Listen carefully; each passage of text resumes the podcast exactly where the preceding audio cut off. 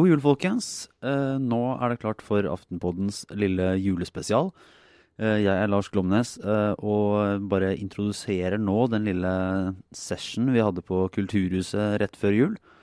Der var den vante gjengen med Trine Eilertsen, Sara Sørheim og meg, i tillegg til VGs Fridtjof Jacobsen, Anne Skjever og Hanne Skartveit. Så da ønsker vi egentlig bare fortsatt god jul og godt nyttår, og så snakkes vi i 2017.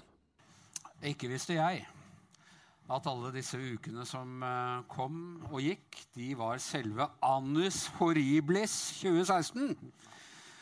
Så det begynte med at David Bowie døde, og så gikk det nedover derfra. Det verste året i journalistikkens historie, Fridtjof Jacobsen. Ja, eh, for noen var det kanskje det. Eh, og i hvert fall for en del av oss som sitter her. Men så vi er, da er vi litt overraska over at så mange har kommet. Eh, De kommer for å godte seg. Nei, sikkert. ja, jeg tror kanskje også de kommer for å le av oss. Eh, men velkommen til uh, Giæver og Øffen og Aftenpodden, rett og slett, i en slags eh, samsending. Nå en eh, tradisjonsrik julehendelse. Eh, vi gjorde jo dette i fjor også. Det er veldig hyggelig at folk er med oss eh, etter året der alt gikk galt for eh, ekspertisen. Eh, for egen del så startet 2. Altså 2. januar 2016 så eh, totalkrasja i bilen. Eh, og siden det så har det gått sånn gradvis nedover. Uh, men én ting er det personlige. For ekspertisen i det ganske land og i verden så har det jo rett og slett ikke sett lyst ut i det hele tatt. Uh, nå får vi én sjanse til. Så i dag så skal vi virkelig få sagt hvordan ting henger sammen. hvordan ha, ting har vært, og ikke minst hvordan ting skal bli.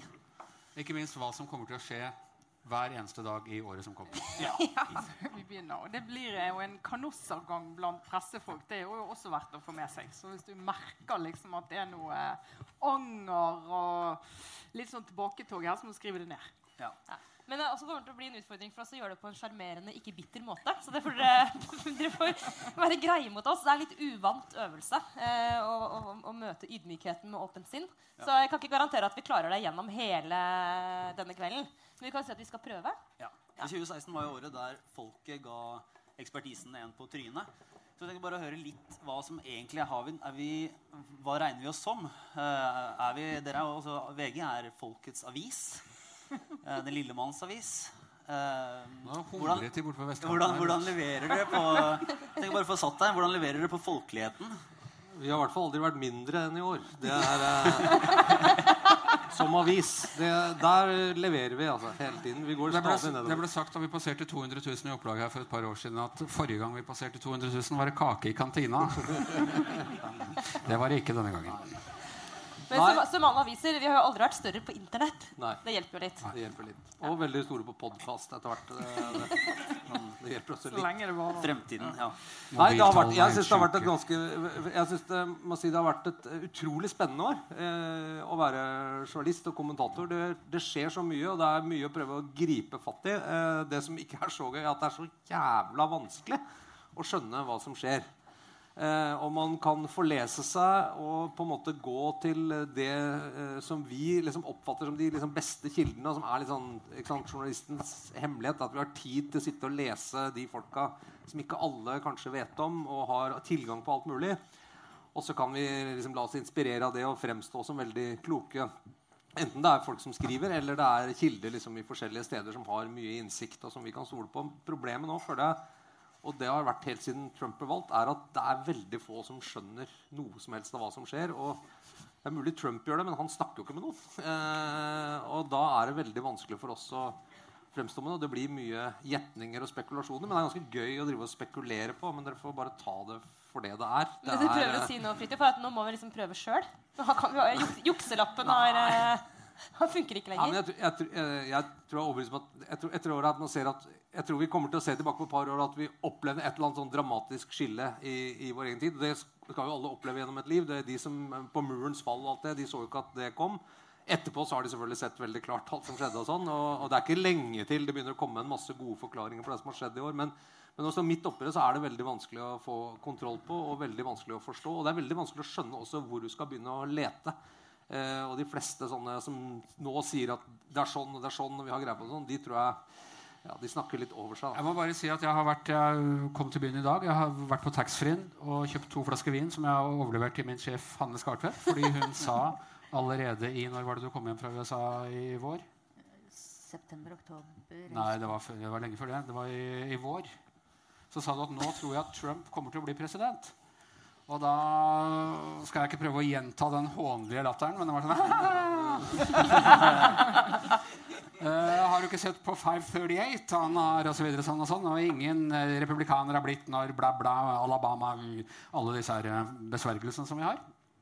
Og Hanne var ikke noe glad for det, men han sa nei, jeg tror at Trump blir president. Og så vedda vi en flaske vin. Det var én først, ja. Ja, det var én først. Og så høyna jeg. Jeg er veldig glad i deg, Anders. Så jeg føler at Hanne tross alt har, eh, er den eneste jeg kjenner som, som sa det helt klart, bortsett fra et par litt arrige folk jeg har på mail. Uh, som sa det, helt, eh, sa det helt klart. Så hvorfor Hanne, trodde du hadde kommet til å skje? Jeg er jo generelt en litt pessimistisk person tidvis. Um, og så var jeg i Louisiana uh, under valgkampen. Ja, men dette var før Louisiana. Ja, det var full ja, det var dette jammen meg det òg. Du hadde, ikke- hadde ikke bare drukket for mye? eller et eller annet sånn... Jeg vet du hvorfor det var? Det var, for da, det var flere grunner. Men altså, jeg bodde i USA noen år. Jeg tenkte at det er et veldig sånn sammensatt land hvor det er mange krefter som fungerer. Og så hørte jeg en podkast med John Stewart som beskrev hvordan han hadde kjørt gjennom Midtvesten og hørt på talkradio. Og han sa at når du hører det verdensbildet de blir presentert for hele veien der, og så er svaret til de andre republikanerne at ja, vi må prøve å gjøre det bedre, vi shut down government, stanse budsjettene.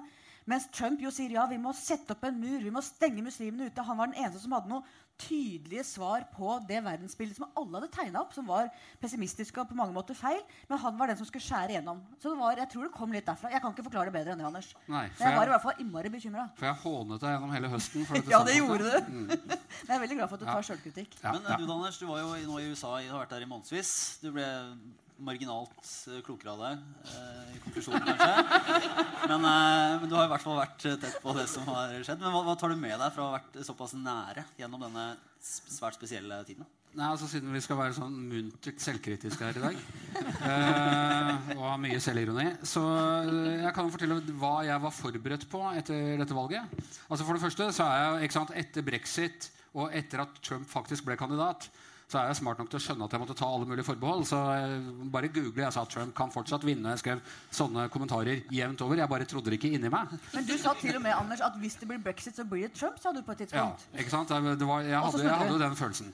Men, men i hvert fall, så jeg trodde det ikke. Jeg trodde det virkelig, virkelig ikke uh, at dette kunne skje. Uh, jeg trodde på det Barack Obama sa, at I have faith in the American people. ikke sant? Eh, sånn at eh, det jeg vel var forberedt på, sånn rent mediekritisk, var at nå kommer en strøm av sånn Uh, kommentatorene og pressen prøvde å gjøre dette til mye mer spennende enn det det var. Uh, for å generere klikk og oppslag. og uh, Anders Giæver skrev flere ganger at Trump har en sjanse til å vinne, men det visste man jo egentlig at han ikke hadde. Fordi uh, dette var bare sånn uh, horse, det de kaller horse race journalism i USA. Det var det jeg var forberedt på, og nærmest hadde forberedt min forsvarstale på. Og kunne for, framføre på, på steder som dette. Og så, så var det altså noe helt annet. Nå må det sies at den denne seieren er jo jævlig spesiell. Uh, Hillary Clinton er- ligger an til å få tre millioner flere stemmer. Han vant med 80 000 på helt uh, utvalgte steder.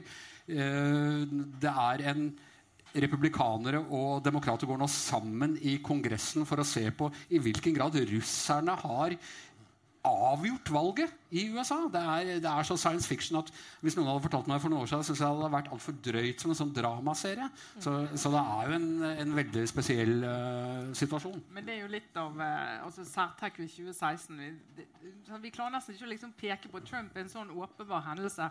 Hvis du ser på nyhetsåret 2016, så er det en sånn sak som det. Det kom jo midt i valgkampen at uh, amerikanske myndigheter slo fast egentlig at Russland hadde vært inne og hacket uh, kontoer og demokratene og, og påvirket valget. Det ble jo en notis.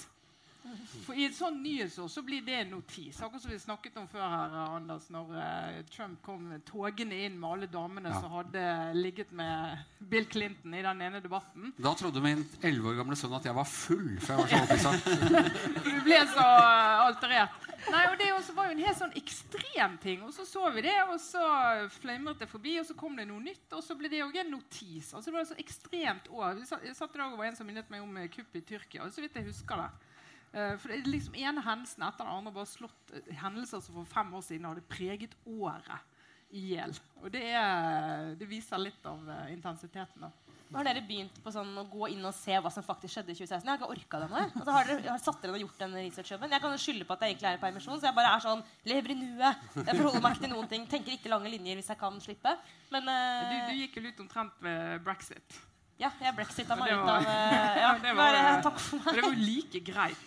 Det var jo Like like greit, greit. ja. Det var jo det første store sjokket. Men, ja, jeg bare En ting som slår meg, det er at hvis politikk er uttrykk for noe som er i ferd med å skje i et samfunn altså Hvis det er en sånn direkte link med at uh, hvis det skjer forandring i et samfunn, så vil det få et politisk uttrykk. Det er jo den vanlige måten å forstå et slags sånn representativt demokrati på. At uh, ting forandrer seg litt sånn marxistisk på grunnplanet, og så skjer det noe i overbygningen. Uh, så så er det jo mye år som tyder på at det skjer ganske mye ting i samfunnet våre som er vi, altså Trump er liksom morsom, og spektakulær på sin rare måte. En veldig sånn merkelig fyr. Hele brexit-valgkampanjen var det. på en måte. Eh, Putin er jo også en sånn eh, altså, det, er, det er noe sånn, noe sånn naraktig eh, ved hele figuren, selv om politikken er ganske eh, sånn instrumentell og kjip. Men, men hvis, hvis, hvis det er et uttrykk for det, så, så, så er det det er bare så vanskelig å se. Eh, Å gå rundt i det samfunnet jeg har vært i USA tre-fire ganger og så gå rundt og se at det er jo det vanlige samfunnet. Og da er jo beskyldninga mot oss at nei, men dere går ikke den ekte verden. At veldig mange av oss går ikke den ekte verden. Vi bare er i en verden som er halve verden, og det skjer noe annet der ute. Det er jo litt Dette er faktisk første gang vi møter vanlige folk. Som om dette er vanlige folk. Siden i fjor på men, men det andre kan, det andre kan jo være Det andre med politikk da kan være det andre men det er en annen forklaring som jeg av og til har tenkt på er at politikk betyr noe så lite for folk at man er villig til å liksom la det gå litt ut i parodien. For det at det rett og slett er blitt så fjernt og har så lite med det livet du lever å gjøre at det spiller ikke så veldig stor rolle for deg eh, hvem som styrer. Det er nærmest et sånn slags game som man holder på med. Og det er jo rart så mange som ikke gadd å mobilisere for Hillary Clinton, for de tenkte "Æ, bryr meg ikke så veldig. Jo, men der tror jeg det er inne på noe som er sånn Det er virkelig overbygning, og det klarer ikke vi å se nå konsekvensen av. Men akkurat det der med at politikk bare har blitt liksom kødd altså Det der med de store institusjonenes fall, om den der eh, litt sånn eh, ganske sånn over flere hundre år sammenbygde den strukturen vi har, vi, de, de store institusjonene vi har i samfunnet vårt, som eh, hele samfunnet vårt er basert på. Byggeklossene.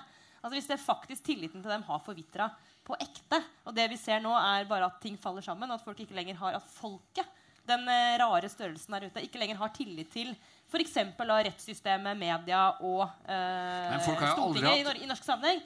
Nei, men, Aldri har tillit til media, eller kanskje til Aftenposten, men Men vi på VG vi har alltid solgt mest aviser. Vi ligger på bunn på alle sånne tillitsmålinger. Det tar vi som et tillitshode. Ja, det vi. vi mener at dette er folkeavstemning ved kioskene, men, ja.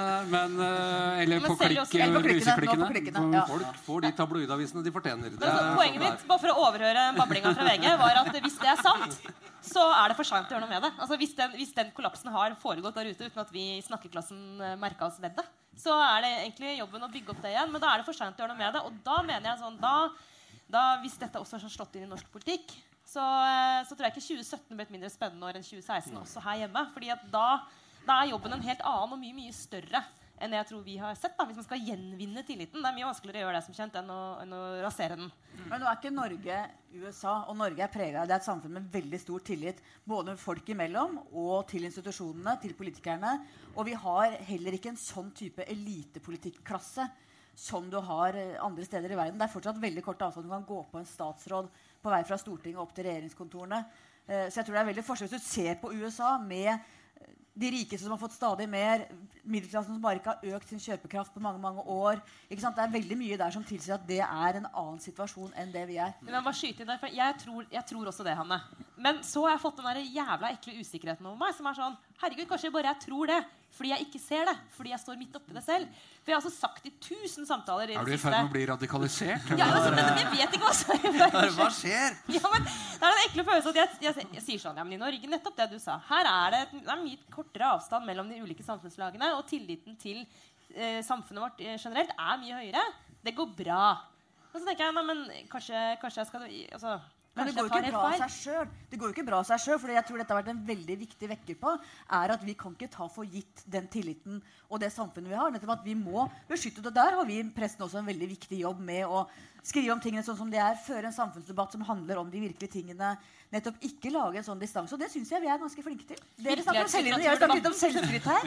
Men jeg tror altså i, eh, i eh, både i Storbritannia og i USA så veldig mye av forklaringen på det som skjedde, det mener jo at vi faktisk har vært innom mange ganger. Altså jeg husker eh, Da jeg jobbet i BT med Christina Pletten, som nå jobber i, i Aftenposten med USA, da problematiserte hun jo da Obama eh, ble valgt, eh, denne middelklassen som forsvant i USA. Alt det førte til. altså disse her økende ulikhetene. Altså, vi, har hatt masse journalistikk på den slags opp gjennom årene. og Vi har sett disse økende forskjellene.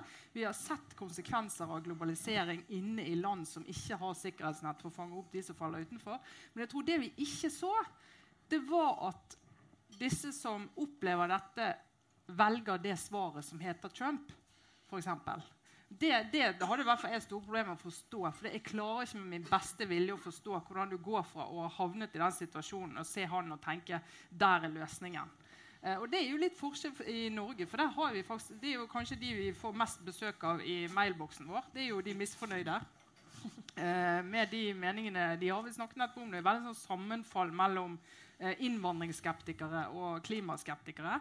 Ofte de samme. Sender mail om klima på tirsdag og innvandring De som, tror på de, de som tror på de villeste demografiske fremskrivningene, de nekter å tro på de eh, radikale meteorologiske fremskrivningene. Ikke sant? Er de har veldig sånn diskrepans diskrepans mellom disse to. Gjensidig utelukkende tro på fremskrivere. Veldig, men de, akkurat det er fascinerende.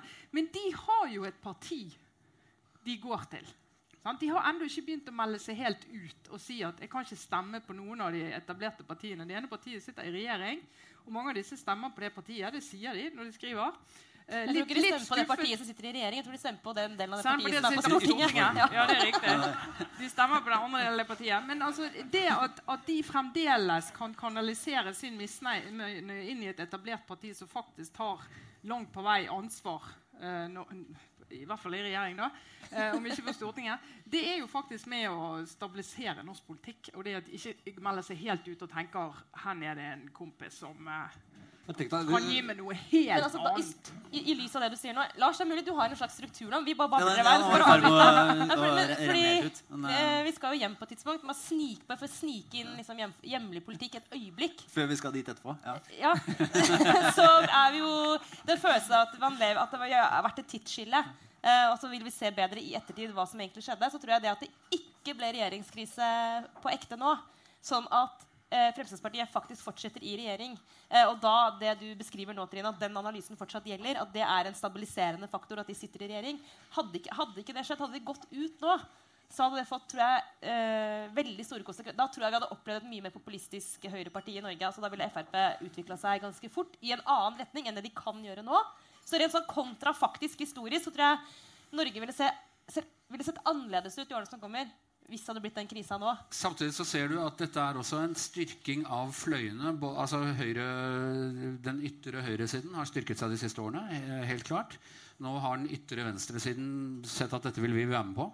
Eh, så de, så de, ja, de bytter ut litt sånn begreper uh, kultur og rase med, med klasse. Og, og, og ja, sak i Klassekampen i går med, med uh, en kjent aktivist på, på ytre venstrefløy, tidligere AKP-er, Trond Andresen, som sa nå at han ville stemt på Le Pen i Frankrike.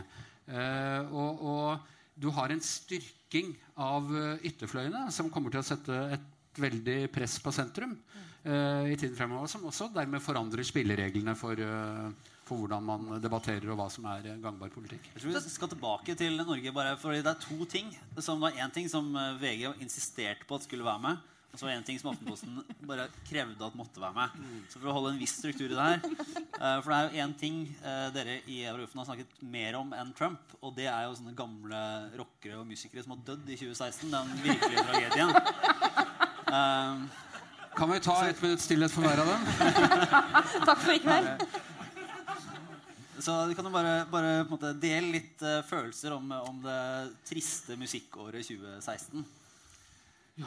Hanne, skal du begynne? Christerberg Christerberg lever fortsatt. ennå. Så tenk den dagen Så han jeg er happy. tar den der uh, 'Driving Home for Christmas' for siste Nei, gang. det er Chris Ria. Det blir en vanskelig medarbeidersamtale. Det kommer til å bli tøft Chris og. Chris og så videre. Men uh, Christmas, Chris. ja, Chris. Dere har ikke sett meg sørge før Iggy dør, så bare hold your horses. Nei, altså Det er helt sant, eh, og det gjør vi jo fordi folk er opptatt av det. Men, men under det, da det derre Fridtjof? Det gjør vi fordi fordi, eh, fordi at det, mange som er lignende på oss, er veldig opptatt av det. Det var det jeg var ute etter. uh, og de som hører på oss. uh, vi er det. Men, men det som ligger litt under det, som tror jeg gjør at eh, og det, det er, Vi skal heller ikke underslå at eh, en del av disse dødsfallene, spesielt Bobby, men også noen andre, er eh, det er utrolig stor interesse for det. Vi ser at det er, sakene leses mye. og sånn, Men jeg tror det er følelsen av at en eller annen verden er i ferd med å gå under. Og forsvinne ut mellom hendene på oss. og Da kan du jo linke det litt I hvert fall for en viss på måte, generasjon, til ja, men sant. At hele ungdomstida, et eller annet håp, noe med disse relativt rike mange britene amerikanerne som gjorde ganske godt. Det ble søkkrike. Det gikk jo til man blir rik på rock eh, på den tida. Og ha store kunstsamlinger og, og alt mulig sånt. Det var litt sånn stilige folk. De, men også litt sånn på utenfor samfunnet. De forsvinner ut. Eh, det er ikke kommet så mange nye sånne. Det er veldig forskjell på Bono og Leonard Cohen. Liksom. Det er... Eh, Eh, og det i Leonard Cohens favør, vil jeg si. Eh, bare så det er understreket. Eh, og så er det et eller annet vemod med det at, eh, eh, at liksom eh, Hva var det de heter på tysk? Sånn, si sint forbi de skjønnen tagen. Ikke sant? At det er en eller annen sånn, De gode dagene er forbi. Ja. Og Det er det jeg det er, det er litt eh, trist, da. For jeg mener at dette er måte, fullstendig overdimensjonert og et bare tegn på hvem som sitter og har uh, makta i norske medier. Det sitter Da en gjeng sånne, gjeng sånne halvgamle menn, og så, så gråter de over sin tapte ungdom. Ja, men ville du Eh, gråte for, Lars? og snakker varmt om, eh, om bare Ja, nettopp de Det har kommet en egen satirisk roman om uh, denne problematikken uh, Jeg føler meg året som ung hvis jeg sier jeg er enig med deg, Lars. Ja. Men egentlig det, det Men du, hør her, Ja. ikke sant? Ja. Altså, musikk som kunstform Musikk som kunstform er den aller mest intime kunstformen. Den er med deg i de mest intime øyeblikk i livet. Og på, den vekker minner hos deg som er eh, ekstremt personlige. Så når noen som da har laget den musikken, dør Og det er klart at eh, jeg er preget av de som var eh, da jeg var ung, som jeg har begynt å si stadig oftere. Eh, Eh, og, og, men, men sånn vil det fortsette å være. Og det at altså, døde kjendiser, at det er noe mediene skriver om, at det er noe oppsiktsvekkende Da skulle du faen meg bodd i en hule for ikke å ha fått med deg eh, Eller vært tanta i Akersgata. eller i Vi hører ikke så mye på rock i de etasjene våre. Men da må jeg fortelle en er Da. Per Aabel døde, da var det liksom Det er vel det eneste som kan sammenlignes i Aftenposten. Og nå tror jeg jeg må være litt sånn indiskré, for det, jeg husker faktisk at eh, Lars Glomnes han jobbet jo i VG før han begynte i Aften, Aftenpodden. Eh, og, da, og han var jo en av de sånn eh, unge folka på politisk som, eh, som hadde fet frakk og stadig liksom var på om man skulle ta en øl og sånn. Eh, og, og da tenkte jeg var det liksom, var det sånn energi i det da, for oss som, eh, eh, som er litt mer hjemme. Og og hører på Leonard Cohen. Eh, og prøver å skjønne hva som skjer. Og så var det en dag så kom han på jobben litt, og han var ganske sånn dratt i trynet. Så var det hva er det med deg? Sliten? Ah, i dag er jeg, å, jeg er sliten. Altså. Å, sliten. Og jeg bare eh, det var liksom tirsdag da, ute, på, ute i går. Og sånn tenkte jeg ute på mandag. Det var bra. ikke sant? Det var sånn, det var flere sånn nostalgisk. Og så bare så han på meg med sånn åpent blikk bak brillene sånn Nei, jeg trente så hardt i går.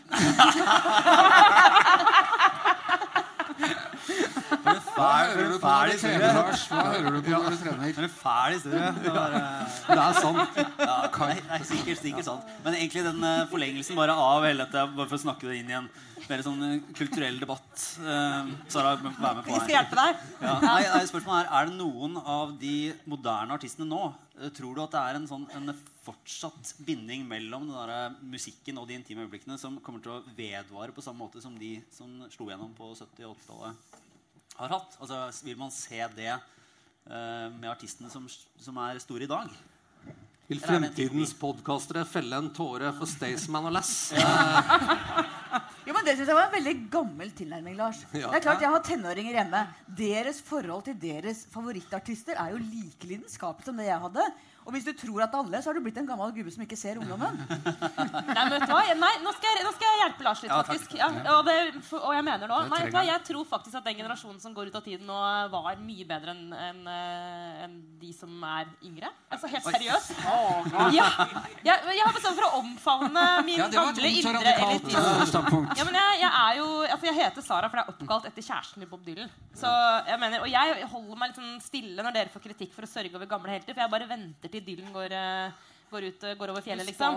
alt til Dylan. Da skal det komme så mye melankoli og sørgmodig. Da da skal jeg skrive en kommentar. Jeg skal skrive om ungene mine og familien min. Jeg skal skrive, jeg skal være, jeg skal, da skal alt Hører du. Mimir Kristiansson? Ja. Ja, ja. Men- Din men altså- jævel. Ja. altså, Dylan, Bowie eh, Dere må hjelpe meg, dere, da. Eh, Ja, Cohen osv. De, er- de var, altså, den generasjonen musikere hadde altså, de, de er utrolig bra. Jeg tror det tar lang tid før vi ser en generasjon med så mange på et så, så høyt nivå. Og så er det selvfølgelig eh, folk i dag også som er bra. Ikke le. Det her Nei, men altså, det det er ikke Men så det- bra men i dag. Rockens vi- founding fathers lever Ja. ennå. Eh, Ja. Little Richard, J. Lee Lewis, Chuck Ja, Berry. de kan ikke måle er, seg. oi, oi, oi, oi, oi, oi, oi. Det skal bli en sørgfestival. Nå merker, sorgfestival. nå merker jeg at, eh, at jeg er, nå er jeg uenig med alle. Så da, kan vi, da går vi videre. gå videre. Mitt privilegium å ta det videre til det Aftenposten insisterte på å snakke om. Ja. Eh, som man har eh, Renta. da eh, gnidd på nå i månedsvis. Med den virkelighetslitteraturdebatten. Som er på en måte vår eh, døde, gamle musiker. Altså, det er jo eh, Det, det, det er har på en måte Ingunn nå, da. Ja. Ingunn Økland. Men altså, noen må følge med på norsk litteratur også. Det er en tøff jobb. Vi gjør den på vegne av folket. Not! Vi gjør det på vegne av våre, våre lesere i altså, de som har tatt eh, hovedfaget litt de siste 20 åra, og et par andre. Som, eh, som vi eh, yter meget god service til på Kultursiden i Aftenposten. Eh, og vi da har Og dere har avslørt hvem som er hvem i den siste boka til Vigdis Hjorth. Er det Vi har brukt, vi med Skikkelig gravarbeid. vi regner med å få skup eh, neste år for det.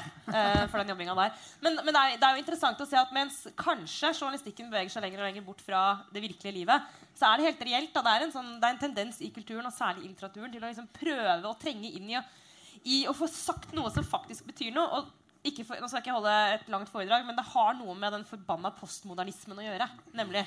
Og nå later jeg som jeg er mer akademisk enn jeg er, for jeg likte ikke meg ikke så godt på Blindern. Men jeg rakk å få med meg at det var eh, noen, eh, altså et tiår der hvor liksom alt bare ble oppløst i teori. Og ingenting var virkelig lenger, og alt måtte skrives med anførselstegn. Eh, og det vi ser nå i, i, i denne litteraturen, er et forsøk på, å gå inn igjen i virkeligheten og skrive om noe som faktisk har skjedd, og som faktisk svir, og at litteraturen skal bety noe igjen. Jeg, jeg tror det er, debatten jeg, altså, er ganske u, er litt uh, uenig med utgangspunktet. Altså, jeg synes liksom at, uh, eh, men nå er ikke Ingunn Økland her, så det, skal få, det blir sånn dust å sitte og angripe henne. Da må jeg gjøre det via deg. i så fall. Ja, men eh, men, eh, men, men eh, les noen av de bøkene, enten det er Knausgård eller Vigdis Hjorth, eller sånt, så er det så er det der sug etter virkelighet. Eller i hvert fall noe som gir en opplevelse at det snakker om virkeligheten. Ja, at det ikke er fiksjon. Det er ganske ja, det, er, det, det merker jeg sjøl. Og, det- og det er litt fascinerende å se at uh, i en tid hvor sånne som oss strever veldig med å beskrive hva som er virkelig, og finne et eller annet som kanskje er sånn universelt og du, du tenker hele tiden at altså det der mine erfaringer Når du har den jobben her skal skrive om det, så må du tenke at liksom, mine erfaringer, mine tanker kan i hvert fall kanskje resonnere hos noen og føles at det er sånn slags eh, eh, En eller annen form for sånn eh, sunn fornuft. Eller altså et eller annet sånn som du kan sette ord på, og som du har liksom teknikker og tid til å prøve å gjøre noe med. Som folk sier, ja, litt sånn, det ga meg noe, et eller annet form for å forstå virkeligheten. Når du, når du føler at det blir vanskeligere og vanskeligere, og du blir mer og mer usikker på om du egentlig er noe relevant, det du sier til folk, eh, så er det interessant at akkurat sånn litteraturen og det å skrive romaner som er så krevende greier, oppleves som for folk at det gir en veldig sånn verdi. For det er klart, for eksempel den der Knausgård-bokserien som kom og ble en sånn massiv suksess. Den var ikke lest bare av sånne som oss. Det var, var jo lest av helt enormt mange folk. Eh, og det var sånn Berlinerpoplene-nivå. Det, det er litt sånn Det gir tydeligvis folk en eller annen verdi. da Ja, men uh, uh, Det minner meg om den tegningen til Knut Nærum som han hadde i Nye takter i sin tid. Med sånn uh, 1. Mai-tog med, med, med blanke, blanke paroler. Og så står det det er postmodernistisk 1. mai-front. De mener at språket ikke kan skildre virkeligheten. For det er jo den ene siden av dette. Det er jo at det, det, det her jeg synes det er interessant og, og jeg mener helt riktig da, selvfølgelig mener jeg at Aftenposten skal gå inn i og diskutere da, denne type litteratur også, det, som jo da denne debatten handlet om, det etiske ved det. Eh, når du da eh, bruker ekte mennesker Vi som gjør det hver dag i jobbene våre, vi har jo da denne fordømte Vær varsom-plakaten å forholde oss til. Nettopp fordi at eh, du, ikke, du skal eh, omtale mennesker, levende mennesker med en viss varsomhet. Så klart. I litteraturen så har de ikke den, og da kan du på en måte gjøre hva du vil. Det er jo debatten. Det mener jeg er en god og viktig debatt. Det det gir oss i tillegg, en ekstra dimensjon, det er jo at Aftenposten endelig får muligheten til å drive litt kjendis, eh, rett og slett litt kjendisjournalistikk. på- Forkledd som litteraturdebatt. Og Det er vi bare takker og bukker for det. Det er fint Men det var vel strengt at dere som dro fram faren til Vigdis Hjorth og dro fram disse begravelsestingene og på en måte gjorde det mye mer virkelig enn det det egentlig var i romanen. Så det var jo dere som på en måte da i så fall brøyt den etikken på et vis. Mm, jeg ser hva du mener. Jeg hører hva du sier. Men jeg er ikke enig. Men jeg, jeg, jeg, det, var- vi var jo med Men du på ser poenget. Jeg gjør det, Hanne. Fordi eh, hun har skrevet en roman som vi på en måte, Vi hjalp jo leserne til å forstå at dette Nå bruker var du sånne. Det er bare fordi at jeg er miljøskadd. Det har faktisk vært på Blindern. skal holde en bak sånn. Nei, men, eh, men det er jo en utfordring for oss også. Når vi skriver om disse tingene, så er vi også med på på en måte, altså La oss si at det fins noen i kjølvannet av denne boka som har lidd under at den fortellingen har blitt gitt ut i en bok. Så gjør vi det verre når vi omtaler det i avisa og gjør det kjent for mange flere. Jeg ser den. Samtidig så er det jobben Men det å er et paradoks her i forhold til de nøkkelromanene som har kommet i år. At når, når noen kommer og sier og jeg nevner ikke navn, nå, nå har jeg laget spennende nøkkelroman fra øh, mediemiljøet, og sånne ting, så er det litt sånn øh, øh, ikke sant? Men når noen kommer og sier jeg har skrevet en roman om noen, så er det plutselig interessant å gjøre det til en nøkkelroman for, øh, på folk vi egentlig i utgangspunktet ikke brydde oss om om var virkelige, fordi man, man bare ønsker å, å forholde seg til fiksjonen. Hvem skriver nøkkelromanen om Donald Trump? Det lurer jeg på. Den skulle jeg lest eh, umiddelbart. Han selv. Kommer det sånn valgkampbøker om Donald Trump, forresten? Ja, vet du hva, skal jeg fortelle en ting? ja, ja, Men da trenger du ikke å ty til romansjangeren. For jeg har nemlig en god venninne i Washington som for en av de store TV-stasjonene har fulgt valgkampen for å skrive bok. Hun og et par andre. Og hun ble så deppa da Trump vant, for hun var sikker på at Hillary skulle si hvem faen er det som har lyst til å lese en bok om Donald Trump? Så det skrives mange sånne bøker, og de kommer, jeg vet ikke om de kommer til å selge dem. CNN er ute med den første allerede. Som er en sånn, øh, det, er mye, det er mye store bilder, men, øh, men, øh, men det kommer jo altså Obama-valgkampen lagde jo en haug, og vi er spesielt glad i Game Change. Game Change. Som alle må lese Game Change om 2008-valgkampen. Det er beste siden Shakespeare var på høyden. Ja. Eh, og det kommer helt sikkert til å, til å komme noen store fra denne valgkampen. her. Og for det som har foregått på innsiden der, er helt fantastisk. Og særlig nå skal jeg slutte å snakke om Trump, ass. Uh, Tourette. Men, eh, men den siste kvelden altså Trump trodde ikke han skulle vinne. Ingen rundt ham trodde han skulle vinne. Hillary trodde han ikke skulle vinne. Ingen av oss, altså en ting er at Vi her sitter i Norge og ikke tror han skal vinne. Ingen trodde Trump skulle vinne, bortsett fra de som sendte noen sinte mailer til meg under hele, hele valgkampen. som selvfølgelig hadde sin store, store kveld. Så øh, den indre dynamikken i alt det der, det er helt fantastisk. Noen må skrive den boka. Noen må ha, håpe bare for Guds skyld at det var noen der inne i det rommet som kan skrive den historien, så vi kan få lese den. Altså Hvordan det var akkurat i den innerste kretsen de siste to timene frem til det var klart at han ble president. Altså, Veit dere det? Om det var noen, var det noen reportere som fikk Om det tilgang var noen i rommet? Altså, jeg antar det var noen i rommet, men hadde noen da, i rommet hjerne Nei, og evne til å spennende. skrive? Jeg så, så øh, en av sønnene, jeg husker ikke om det var Donald eller han andre, som forklarte hvordan det var. At, uh, for å ta hans ord for det, at han og broren og alle begynte å high five hverandre. Og ja, og det, vi vinner Florida, og det ser bra ut i Pennsylvania og sånne ting. Men at My father, he went very silent, sier han. Og det kan tenke Å, fy faen, hva har jeg gjort? Kan jeg bare si en ting til? Eh, Det, eh, det, det som er fascinerende nå, er jo at eh, selv etter at dette er et faktum altså Han har jo nå vært i over en måned, så er det klart at han blir president. Han holder på med transition, som er jo en ganske sånn regelstyrt og tradisjonell prosess. Eh, hvor den nye presidenten blir mottatt av den gamle. Ikke? Mottakelsen han fikk av Obama i, i, Det hvite huset og kontoret, som var jo veldig sånn sånn uh, The transition of power, og her gir man makta over fredelig til hverandre og sånn. Det var, jo, det var jo til og med litt sånn verdig, så folk tenkte sånn Uff, det blir normalt. det blir normalt. Jeg var i USA for en uke siden eh, med en sånn forum med masse forsvarstopper og masse sånne elitefolk fra Kongressen og Senatet. Og det var liksom en sånn hus hu av alle folk med uniformer og de som bestemmer skal, hvor, hvor de skal krige og sånn. Um, og da var det mye snakk om hvem som skulle bli utenriksminister, for da var liksom Mattis på plass. General Mattis, og det var sånn Nå er rasjonaliteten gjenopphevet. Mattis er en veldig fornuftig, klok general. Og Mad Dog og sånn, men, men han er De kaller han Høyt respektert. det er- Han var er veldig han ja, ja, det var, i, det var i krig. Men åpenbart en, en begava type, liksom. Eh, og så, så det var Man klamret seg til han som en sånn, sånn der, eh, rasjonalitetens eh, anker i, i dette greiene her. Eh, ingen vet helt hvor mye makt han får. Men så var det også, gikk og spurte en del, for jeg tror jeg spurte nesten 40 mennesker hvem blir utenriksminister. Nei, Var det Petreus? Eh, blir det Mitt Romney? Blir det han Corker? ikke sant? Og det var forskjellige tips. og jeg tror det blir sånn, jeg tror det blir sånn, Eller vanskelig å si, men en av de og sånn. Det navnet Rex Tillerson, eh, som ble altså utenriksminister, sjefen for Exxon, var ikke én som nevnte det. Jeg hørte ikke navnet en eneste gang. Og jeg prøvde å gå etter om, noen hadde, om det hadde vært framme i spekulasjonen. Vært sånn, ingen. Det kom bare rett ned. Og, men nok en gang så blir det sånn Ja vel, han Rex Tillerson.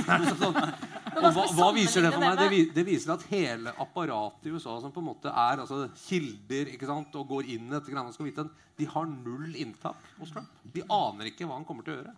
Og det var på den der med ikke- og at det ikke bare er journalister som ikke er Nei, nei, nei, altså, Hvor henter vi vår informasjon fra? Men Kissinger og Brzezinski da de var her på dette Nobel Peace Forum med Kissinger, er fredens eh, apostel framfor noen, vil jeg si.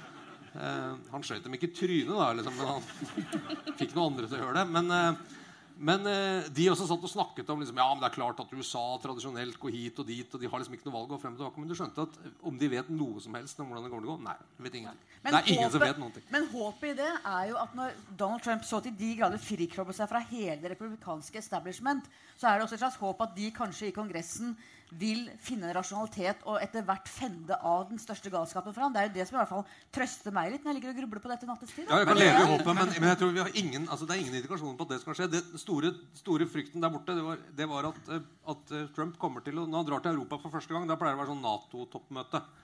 Frykten var at han drar til Moskva før han drar til Nato. Eh, og eh, en sa der, eh, litt sånn hjertesukk, så sa han jeg tror kanskje det som jeg stadig vekk kommer tilbake til, det var en, en nordmann som kunne sagt ganske godt. så sa han eneste kan begynne å forklare at Du må forstå at dette er en supermakt på vei raskt nedover. Det er det som skjer her borte. Det tror ikke jeg noe Og, ta, og tanken på det, hvis det er sant, at det er en supermakt på vei raskt nedover, den, eh, den er lei. Churchill sa, jo, Churchill sa jo at USA finner alltid den rette veien etter å ha utprøvd alle andre dårlige alternativer. Og det har jeg trua på. Samtidig så er vel Churchill det fremste symbolet man, man har sett på en supermakt på vei Det får. Jo da, jeg ser den. Jeg ser den. Ja. Er Men, eh, Jeg på, jeg må bare, jeg må bare, sorry, vi må videre fra Trump. Men er det ikke det? Bare, når du snakka nå, tenkte jeg sånn Åssen hadde det vært liksom, i norsk sammenheng? da? Øh, først, altså, Jeg husker da det gikk rykter om at Nils Arne Eggen skulle bli kulturminister. Uh, det er fortsatt så Han ble jo spurt. Ja. Han ble jo spurt. Jeg er fortsatt kald inni meg og tenke på det. Uh, men det er en annen sak. Men tenker sånn Trump, Det er som at Idar Vollvik tror jeg, hadde blitt statsminister. Er det liksom Det er i hvert fall det nærmeste sånn litt eh, ja, reality-riking. Faktisk. Er, Et par av de fra Var første ikke det en bra sesong av Big analyse? Brother. Jo, jo, tenk når Idar Vollvik har liksom tjent seg penger igjen etter den der historien om de store ja, Men- han ekstreme tapene er bare noe som ligger bak. Men én ting er at amerikanerne velger altså de har, de har, Det politiske systemet er annerledes, og, og de liker å vinne, velge utenfra kandidater. Og, og, og de har ikke det der, og det mener jeg er noe av styrken med, med USA. At de, demokratiet sånn sett er mer levende. Det er, ikke det, det er ikke bakgrunnen hans i seg selv, men det er jo at han er så erratisk. At han nå, etter at han er blitt president, så sitter han og ser på TV, og så sier de noe han ikke liker på NBC Nightly News, og så er det fem tweeter ikke sant? Eh, om at han ikke liker den journalisten eh, på, på NBC Nightly News. Det er den derre eh, som jeg håpet i det lengste var noe Hillary-kampanjen brukte for å skremme oss. Og si 'Tenk deg en sånn fyr med, med fingeren på knappen'. Så jo, jo, ja, ja, men øh, vi kjører opp retorikken her og sånne ting. Men han fortsetter sånn nå. Det syns jeg er veldig øh, lite betryggende. Og da er det samme om han er eiendomsmillionær eller reality-stjerne eller uh, peanøttbonde, som var en av presidentene i min ungdom var. Eh, problemet er liksom hvor At han ikke beroliger oss. Vi hadde jo leder i VG dagen etter hvor vi sa at må gi henne en sjanse. Nå er det begynt, så norske politikere må etablere osv. forhold og sånn. Og da tenkte jeg at dette, ok, vi får bare ta det. Men nå må jeg si at siste måneden som Anders, jeg blir virkelig urolig. Jeg hørte en, en, en, amerikanske presidenthistorien, husker ikke hva han heter i farta, men som fortalte om det glade 60-tallet hvor alt var lykke, optimisme, og så kom Vietnamkrigen og Nixon, og så kom mørket, sier hun. ikke sant? Og jeg får litt den der feelingen at vi er ikke helt klar over hva vi nå går inn i. Men dette er så heavy shit, altså. Nei, kjøp hermetikk. Ja. Da går vi fra eh, den eh, ene altså, hva skal jeg si, verdens person of the year til Norges eh, årets person. Eh, der vi innafor politikk og samfunnsdebatt eh, det det er kanskje Og det er Magnus Carlsen. ikke Magnus Carlsen. Du kan jo lansere den som en kandidat. Jeg vil jo mene at i hvert fall Sylvi Listhaug ligger høyt på den eh, lista som en, en politiker som har prega 2016 fra start til slutt. Vi satt jo her i fjor da vi hadde tilsvarende arrangement. Eh, så var det dagen etter at hun ble eh, altså innvandrings- og integreringsminister. Eh, og det var altså, også da dagen etter at Per Sandberg gikk inn i regjering. Og vi brukte nok kanskje mest tid på Per Sandberg som fiskeriminister. Men uh, han har jo uh, Og Anundsen sitter fremdeles. Det gjorde vi også et stort poeng ut av her i fjor. Men Sylvi Listhaug har, uh, har preget det fra start til slutt. Og har på en måte lagt seg på en del av de samme ja, en, del av de samme metodene som man ser ute i verden. Hvordan vil du se på året Fritjof, fra Listhaugs side? Det har ikke vært noe dårlig år for henne. Eh, og det er jo imponerende ettersom det ikke omtrent har kommet en eneste flyktning eller asylsøker eh, til Norge i år. Eh, det hadde hun kanskje ikke regna med.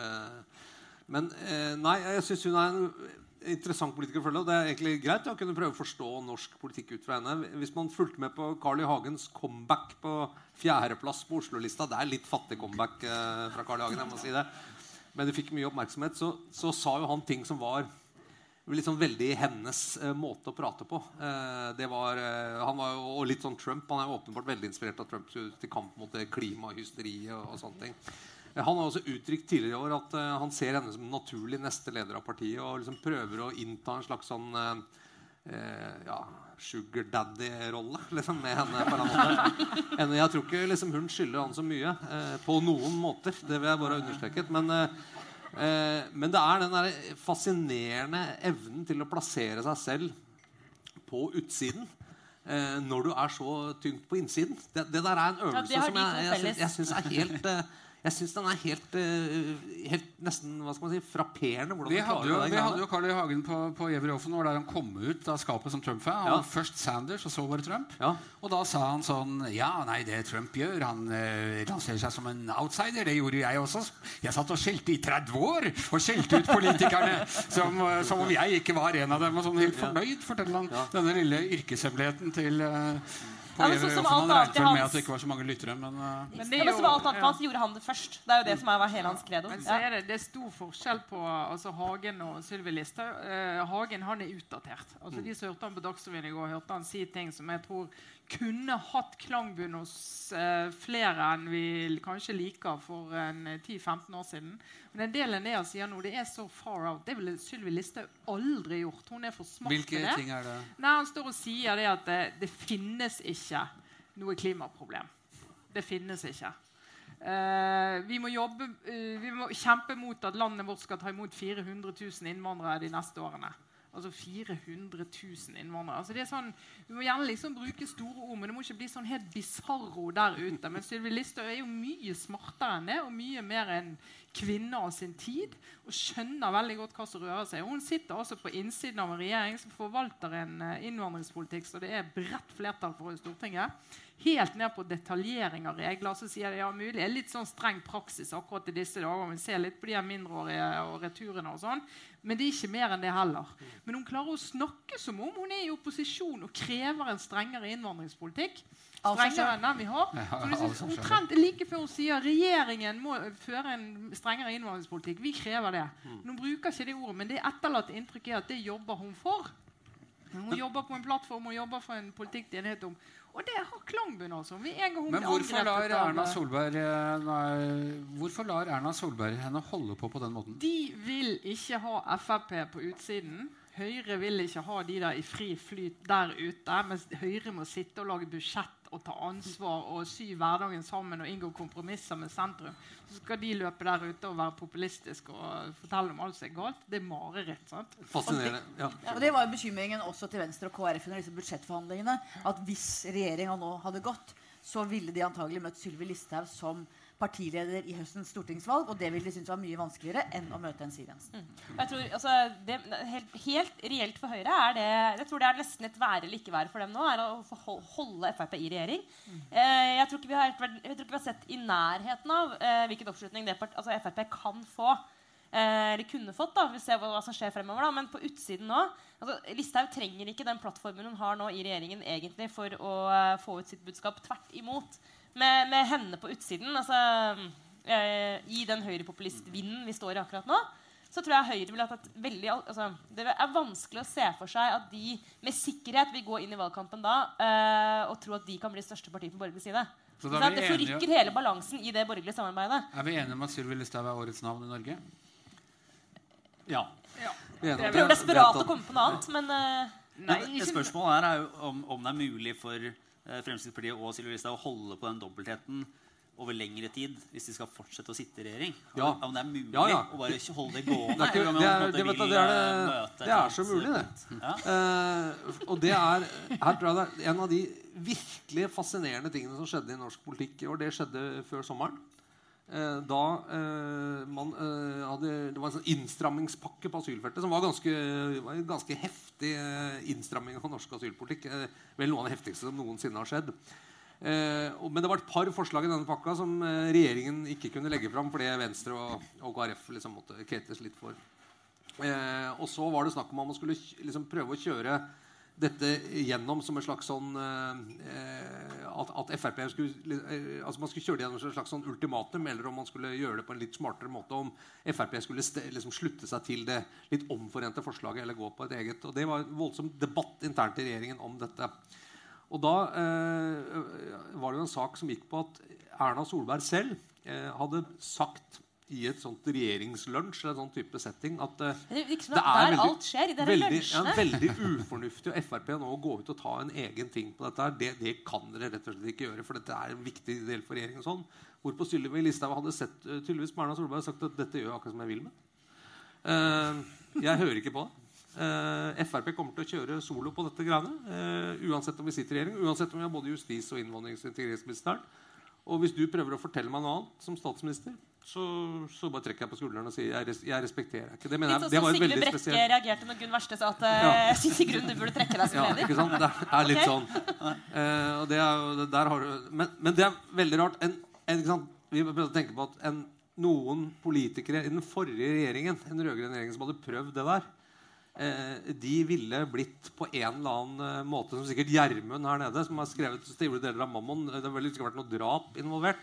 Eh, de ville bare blitt tatt eh, livet av politisk med en gang. Det ville vært en ekstremt brutal prosess. At den det typen illojalitet det bare aksepteres ikke, for det utfordrer hele statsministerens autoritet. Du kan, du kan liksom holde på, men, men ikke på den måten der. Eh, og han hadde, viste jo også med noen statsråder at han kunne være ganske brutal. Erna Solberg lar dette bare skure og gå. Vi har et helt sinnssyk parlamentarisk praksis hvor et parti i regjering sitter i regjering, men fører en annen politikk på Stortinget.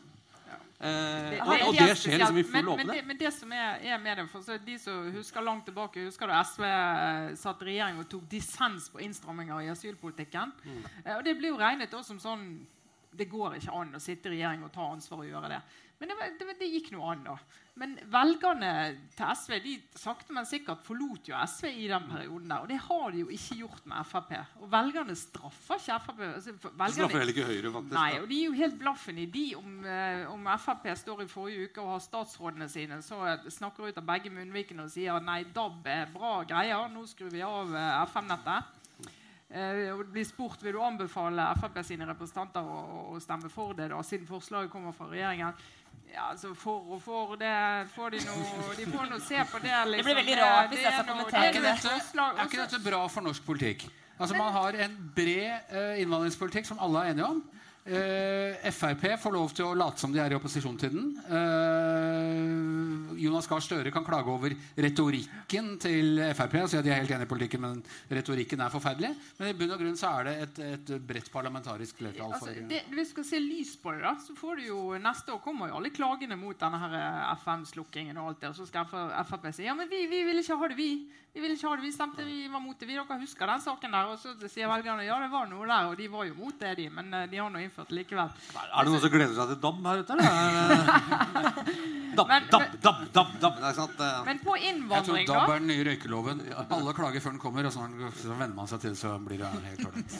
på innvandring, Hvis, hvis uh, Frp, altså Frp fortsetter å drive drifte en innvandringspolitikk som det er bredt flertall for, samtidig så de kan suge opp alle de velgerne som er skeptiske til at vi har innvandring til Norge overhodet, og ønsker en strammere politikk, og at de ikke går ut i et helt ekstremt parti, så må jo det være Og så har jo egentlig ikke Frp noe særlig valg, for at de sitter jo etterpå og administrerer en, en innvandrings- og asylpolitikk som det er bredt flertall for, som ikke er Frp sin politikk. Så de må jo, for å please sine egne velgere, ha en annen retorikk. Men samtidig er det jo Frp sin politikk.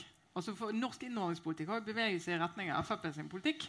Bortsett jeg er ganske sikker på at en rød-grønn regjering ville gjort akkurat det samme i høst som Absolutt. det dagens regjering gjør. Rett og slett ut fra realitetene. Men Hanne, jeg lurer på, en, en, I fjor så satt du og snakket her om, om Erna Solberg, og da sa du at, at Erna Solberg enten ville bli husket som en av de store eller en en veldig eh, forglemmelig eh, statsminister. Og, og fikk du- Lars du snakker vel om Lars? Korvald var vel, eh, var vel eh, sammenligningen fra Jacobsen her. Ja. Eh, Kan dere bare oppsummere et, eh, et år videre? Eh, Vet du noe mer om Solberg kommer til å bli husket som stor? eller, Jeg tror, at, jeg tror at hun eh, dessverre vil bli husket som den dyreste statsministeren, og at hun helst vil glemme det. Hun vil glemme det. Alle vil huske Erna Solberg, men selv vil hun prøve å fortrenge det. Hvor innmari mye penger hun har brukt. Jeg må si Det der budsjettforliket her Jeg synes bare det er helt sjokking hvor mye penger de svir av av våre barn og barnebarns penger. Eh, Det er helt fryktelig. Og hun vil bli huska som den dyreste. Og kanskje vi vil ønske alle sammen å glemme henne mer for Det er ikke så vanskelig å holde unga fornøyd hvis du bare heller i dem colabrus der, eh, og kaker. Da Men det kommer en jævlig straff etterpå. Det gjør jo det. Ja. Og husk det, folkens, vi er eldrebølgen. Det er ikke dagens gamle. Det er vi som er Jeg eldrebølgen. holder meg utenfor det. Stort i. Og i hvert fall Lars! Stakkars Lars. Jeg regner meg som dagens gamle. Men det er jo et, et, jeg tenker for et dilemma. Noen ganger så ble jeg sånn åh, eh, ja, Nå er det mye med deg, Gjermund, men manusforfattere jeg vet at du er blant annet det, eh, må jo bare, altså Det er for en drømmehistorie å kunne liksom veve seg inn i. altså Erna og hennes, altså Sigbjørn Aanes, da, hennes spinndoktor. Akkurat nå, det, det er et ganske brutalt valg de står i. Skal de holde Frp i regjering, sånn som vi har snakket om at det er gode grunner for at de må gjøre, for at ikke de skal vokse seg for store? Det de risikerer, da, er en sånn piss i buksa-taktikk. sant? Fordi hvis prisen å betale er at Høyre mister troverdighet som et styringsdyktig parti fordi de nettopp bruker for mye penger, så er det potensielt en enorm skade for det partiet på sikt. Altså de, det er liksom Høyre og Arbeiderpartiet som skal på en måte ordne opp. Det er de som skal ha lommeboka i hånda. Vi har jo vokst opp med det. Så kan vi i ungdomstida stemme på litt andre ting og sånn. Men, men hvis det liksom, hvis det inntrykket forvitrer det Ja, kan, men jeg tror Jeg pleier å se på trinene. trynet når jeg blir litt sånn Er du ikke enig? De fleste partiledere tenker jo ikke så veldig mye lenger enn sin egen. Altså, Nei, de er opptatt av seg selv og sitt eget ettermæle. Jo, men, men allikevel jeg, jeg tror, Tror det, Hvis jeg skal prøve å forstå Erna Solberg Og det er heller ikke så lett. så hun er ganske sånn eh, Hun er ei slags gåte, det får vi si. Eh, men én ting som jeg tror For det første er det veldig mye av Høyres regjeringsprosjekt er konsentrert rundt Erna Solberg som statsminister. Det var sånn det begynte. Eh, det var egentlig, det handla om at hun skulle bli statsminister, mer enn at Høyre skulle inn i regjering. Eh, veldig mye av politikken, Høyres politikk i denne regjeringen er ganske usynlig. Høyres statsråder eh, tror jeg Hvis vi tar en kjapp telling her i denne opplyste forsamling, så klarer dere kanskje å nevne navnet på tre Høyre-statsråder. litt sånn fort, mens dere kan flere fra Frp. De er usynlige. De gjør ikke så mye av seg. Og de er, de er liksom av, mens Frp som dominerer. Men hun klarer å holde seg selv som statsminister. Hun er villig til å gjøre nesten hva som helst. Eh, inklusiv å bruke en helt sinnssyk mengde penger for å bli sittende. Eh, og det er klart at den, De penga, sånn som budsjettgreiene og sånn, det er klart det er forlokkende. Jeg tror det er vanskelig for KrF og Venstre å få like mye penger av Arbeiderpartiet som de får av, Erna Solberg. De skal i hvert fall, de blir i hvert fall ikke noe enklere når du ser hvilke avsindige beløp de klarte å få ut i dette budsjettforliket her. Og Frp har jo fått omtrent alt de har vekt på. De har jo funnet PIN-koden til oljefondet, som, eh, som Carl I. Sa. Eh, og, og har lagt på Norge nå en del utgifter som vi kommer til å trekke med oss i, i mange tiår. Helt, helt til det virkelig blir tomt med oljen. Da, da, blir det, da blir Det er det ikke gøy her. Det mest fantastiske er at man økte kontantstøtten. Det er liksom Det er den der kontantstøtten Unnskyld meg, her er jeg litt biased, men det, jeg mener, det har liksom vært en forbannelse og en tullegreie nå i, i 20 år. Og så og det er bare snakk om hvordan vi blir kvitt den. Og så øker man den! Men det er, Hvordan sånn, er det mulig? Det, det er den, det er den politiske tiltaket som bare ikke vil dø. Altså, det var helt utrolig at det fortsatt er blant oss. Jeg, jeg, for meg er det helt sånn det var liksom, I min ungdomstid var det noe vi liksom gikk demonstrasjonstog mot. Sånn idiotiske idé som kontantstøtta. Og nå er jeg snart voksen, nesten, og den er fortsatt her. Men, men det er jo en typisk velferdsskole Som, da, da det dukket opp, så hadde det stor klangbunn. Det var den tiden eh, KrF nådde 13 på, på målingene. Og det var tre barnehageplasser i Norge, og de kostet 10 000 kroner stykket. Og det var en haug med foreldre som liksom Ja, vi da betaler skatt for at de tre skal få barnehageplass. Skal ikke jeg få noe støtte til barnepasset mitt barn? Sa KrF jo, du skal få en sum av oss. Ja, det er Kjempeklangbunn. Selvsagt hadde det det. Men i dag så har vi jo alle de barnehageplassene. vi har frem, men da er det litt sånn klassisk, og det er en utfordring eh, på, hvis du ser på bærekraft til velferdsstaten, å ta de velferdsordningene som på en måte har gjort jobben sin, og si da slutter vi med det.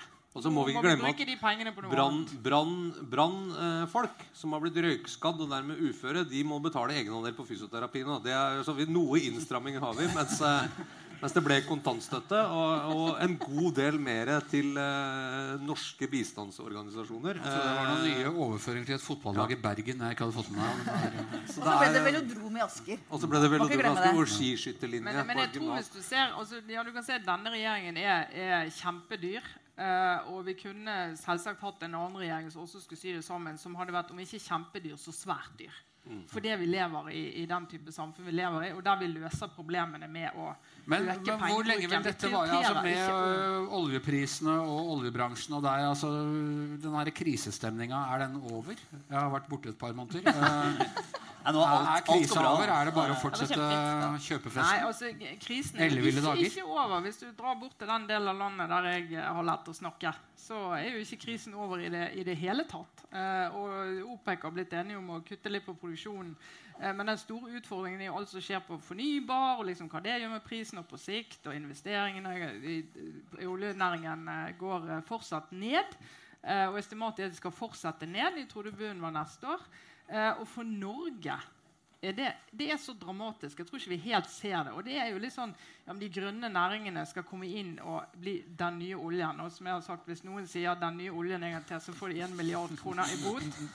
Jeg sånn bare, Og si det. når styre, nye styrelederen i Nasjonalmuseet sa at kunsten er den nye oljen, Ja. da bare gikk det stykket stykker for Eilertsen. Ja, Bare så liksom bare Ja, Da døde jeg inni meg og var død i en halv uke. Og tenkte jeg, Det går ikke an at et menneske som har gått mer enn ni år på skole, sier noe sånt. Men så.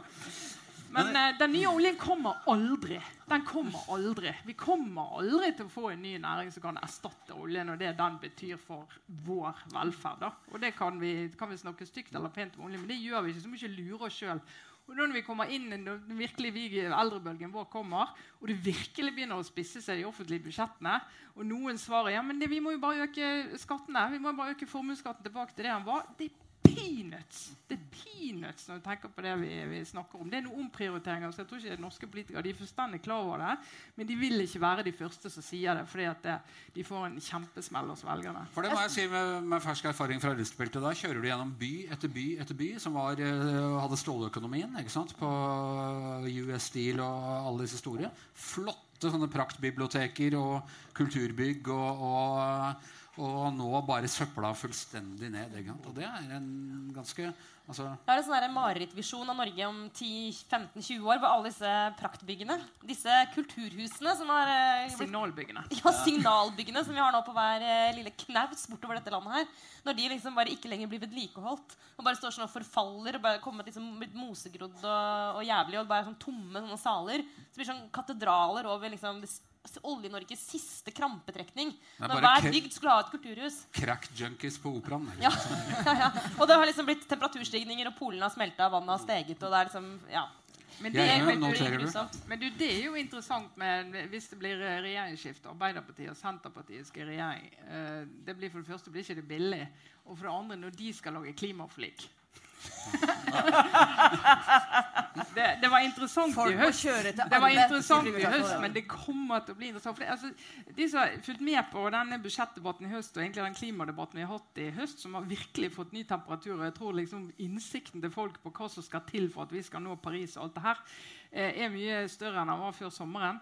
Eh, Så hvis du ser Vi har fått en ny skillelinje i norsk politikk. eller den er ikke ny, for det Hele partistrukturen bygger på sentrum og periferi. og Det er de som har omsorg for de som bor utenfor byene, og at de faktisk trenger bilen sin. Og de som har omsorg for de som bor her og kan gå rett ut av døren og ta T-banen til, til leiligheten. Minner litt om USA.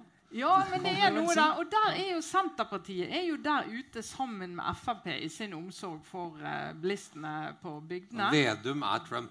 De- Det er det vi kan si nå. Jo, men, eh, men uh, Anders nevnte jo uh, vår venn Og på innvandring er Senterpartiet også et stykke Ja, ja, det er Mot arbeidsinnvandring, sentrum, mot globale global du Vedum er Trump. Det, Men, Apropos Trump. Jeg, da jeg var i Louisiana under valgkampen. Så snakka jeg bl.a. med faren til min gode venninne der nede, som sa at ja, inne i Washington og New York der trenger de ikke engang biler. De kan gå og ta bussen. De skjønner jo ingenting av Amerika. Det har, de, det har de helt rett i. Jeg bodde i Texas og sa til naboen min jeg skal en tur til New York. Jeg har aldri vært der før. Han, han var over 50 år og hadde aldri vært der. Hva i all verden skal du dit? Jeg var der. Jo, han hadde vært der en gang. Jeg var, jeg var der, jeg satt i en høyblokk. Så falt en person forbi som hadde hoppet ut av vinduet. Han datt ned på fortauet, og alle bare gikk forbi. Sånn er det i New York. Det skjer hele tida. men det ja, I Texas blir du i hvert fall skutt. Det er, ærlig, ærligere måte å dø på. Litt Men eh, jeg tror vi skal se litt inn i, eh, litt inn i 2017, helt på tampen her nå. Vi tar rett og slett en rask liten runde for å, å legge litt huet på blokka. Eh, på, på spørsmålet kort og greit blir det et regjeringsskifte til høsten. Du kan begynne. bare Blir det regjeringsskifte? Ja, nei, Hanne? Jeg tror ja, men jeg er ikke sikker. safing, safing. Det teller ikke som Jeg safing. vedder ikke vin med Anders på det. Så Anders? sikker er jeg ikke. Følger ikke med på norsk politikk, men Trump blir aldri president, for valgmennene kommer til å gå mot det der. Og så kommer det til å komme opp noen nye. Å, jeg hadde en fyr på telefonen i dag. Han er en ganske klok type som sa det, der kommer Trump? Du så Det er to presidenter som har prøvd å legge seg ut med the establishment i partiene osv. Det var eh, Kennedy og Nixon. Se hvordan det gikk med dem. Ja, ikke sant? Eh, jeg tror det blir eh, Jeg tror det blir regjeringsskifte til høsten. En eller annen gang ute eh, i oktober så tror jeg det blir et regjeringsskifte. Eller kanskje på første budsjettet. Så det, ja, Nå får jeg si at jeg tror det ikke blir regjeringsskifte, da, som følger opp eh, streaken min. Trine. Ja, hvorfor det? Hvor, nei, altså, kort Nei, søren, må du begrunne det òg? Ja. Ja, Ja, nei, nei, jeg, jeg, nei, nei, altså, jeg kan i og for seg kort det, men jeg tror at jeg tror Fremskrittspartiet ikke kommer til å bli noe svakere. Og da tror jeg alle de andre borgerlige partiene kommer til å knytte seg til dem på akkurat samme måte som de har gjort i budsjettet.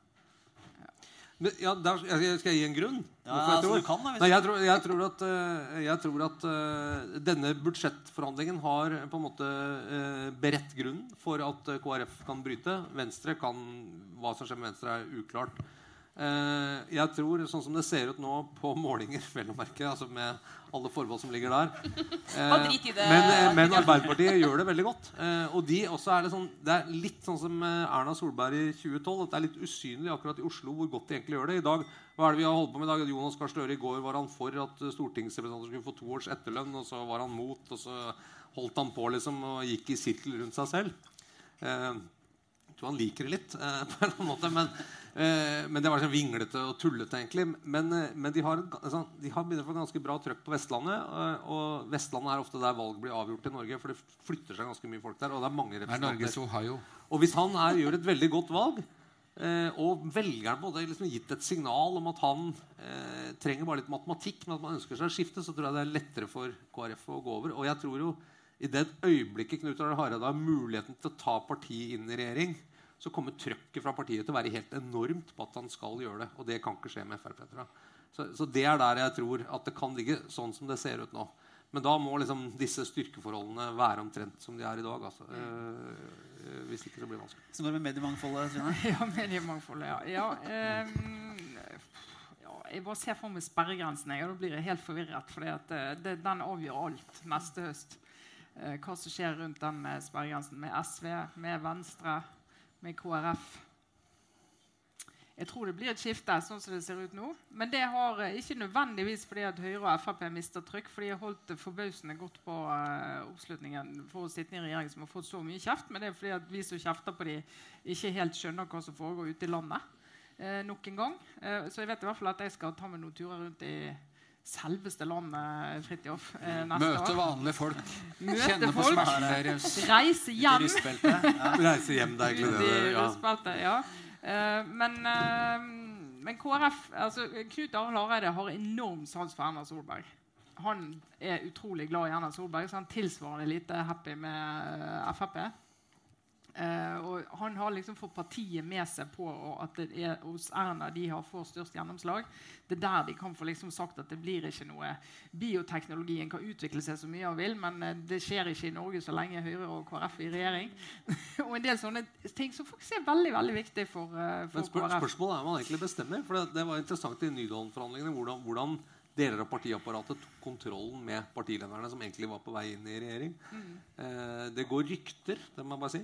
Gode, men ubekreftede rykter. Fikk jo sagt det igjen. Har jeg sagt 100 000 ganger om Aftenposten. Eh, men om at da eh, hun, eh, Hilde Frafjord Jonsson ble valgt til partisekretær i KrF, eh, som eh, liker å være statsråd, det tror jeg vi kan si om henne, og ikke med Frp, så gikk det en sånn eh, mail rundt i, KrF-systemet. Hvis dere husker den der bildet av en sånn pungrotte på en motorvei i Australia? Eh, hvor en sånn maskin som maler gule striper, har bare kjørt over et sånt dyr. Så den ligger bare sånn flatt utover med en sånn gul stripe over sånn. Og så ble det sendt ut, og så sto det bare under Knut Arild. Ja.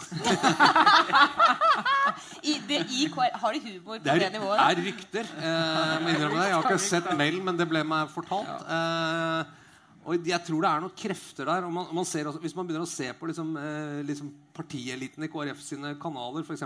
Vårt Land og liksom hele det miljøet der, så er altså presset på å gå over til den sida eh, mot å få regjeringsmakt, eh, det er altså så enormt sterkt at jeg tror det kan bli vanskelig for Knut Arild. Som jeg, helt riktig som du sier, jeg på en måte representerer et mye mer borgerlig KrF. Knut, jeg, Knut Arild er jo blå. liksom. Han, han, han har jo jobba i Skipsted, for guds skyld. Ja, han er jo han er så blå han som du får på det. jeg gikk der. Eh, Han har opsjonsordning. men om han klarer å stå imot, det er jeg litt usikker på. Eh, Men- og spesielt når taburettene står og blinker. Men det, og det som er viktig, altså Senterpartiet er jo veldig siger. De, ja. der tror jeg i hvert fall vi undervurderer hvor mye som skjer. Altså, de har økt eh, jevnt og trutt og ligger nå på opp mot, eh, av og til på opp mot 8 eh, og Mm. This gjør great det movement, som yeah. jeg pleier å si. Ja. It's fantastic. fantastic. Beautiful, beautiful people out there. Ja. Og de, eh, So de, sad. de har De har et grep om en sånn motkultur og motstand der ute som, eh, som Jonas Gahr Støre er forbausende interessert i å regjere sammen med. Ja. Ja. Sara, Det hva sier du? Må jeg jo si. Nei, eh, på kort sikt så sier jeg bare sånn enig med Trine. Men på lang sikt så, så har jeg sånn skrekkbilde i hodet mitt som er en, en, en regjering utgått av Rødt, Senterpartiet og Frp. En eh, ekstremt nasjonal, proteksjonistisk eh, bonderegjering. En nasjonal samling. Med Trond Andresen som eh, altså Klassekampen-skribenten som uttrykte sin Som medieminister. Som generalsekretær. Som kulturminister. Altså det, eh, det er litt sånn, det er ikke tull engang. for det er den der, hva skal Jeg kalle det? Jeg har lyst til å si den nasjonale strømningen, men det høres på en måte for kjipt ut. For det er ikke nasjonalsosialisme vi snakker om, tross alt. Men den eh, skepsisen til det overnasjonale, den å samles rundt de norske verdiene altså den der Det ligger på tungespissen. Det Det ligger ligger- tungespissen. veldig langt der ute. Som uten sammenligning for øvrig man kan gjenkjenne i både Rødt, eh, Senterpartiet og Frp. De, de kreftene befinner seg nå sånn spredd utover i, eh, altså langs hele skalaen i norsk politikk. Jeg bare lurer på sånn, Hvis høyre-venstre-aksen liksom opphører, og hvis det den virkelig bare rendyrker den sentrum-periferi bare, Jeg bare ser for meg liksom at Kan de finne hverandre, de kreftene der? Mm. tror ikke det skjer i løpet av 2017, da, så eh, det går sikkert bra. Men Men, det har jo alltid vært motkrefter i Norge. Vårt demokrati bygger på motkreftene. Målfolket, kristenfolket, bondebevegelsen, Anarkistene. anarkistene. men, men Hanne, har de vært så nasjonalt orientert? Det er det jeg lurer litt på. Det er det jeg synes er så, det er det, Bondebevegelsen har jo alltid vært nasjonalt orientert. Ja, det ligger litt i- Ja, ja, ja. Målrørsla. Bunadsmarxismen er jo en av de sterkeste bevegelsene. Det mener jeg. Det mener jeg. eh, Alle som husker 94, og for ikke å snakke om et par av oss husker 72 òg. Eh, og bunadsmarxismen skal du ikke undervurdere. Altså den derre eh, kombinasjonen av, eh, av uh, ja, sånn. Agrarromantikk og, Og Vømmøl spellemannslag. Oh, ja. Og vi skal dra tilbake. Og vi skal ut av fabrikken og vi skal begynne å dyrke jorda igjen. og sånne ting Kombinert med en sånn raddis uh, anti-establishment-greie. Det Ja, det er noe, det er noe kraft i det. Nei, Altså, når, Hans, når Hans Rotmo dør, så overlater vi det til Mimi Kristiansand. Det. Du mener at mimer er den nye Hans Rotmo?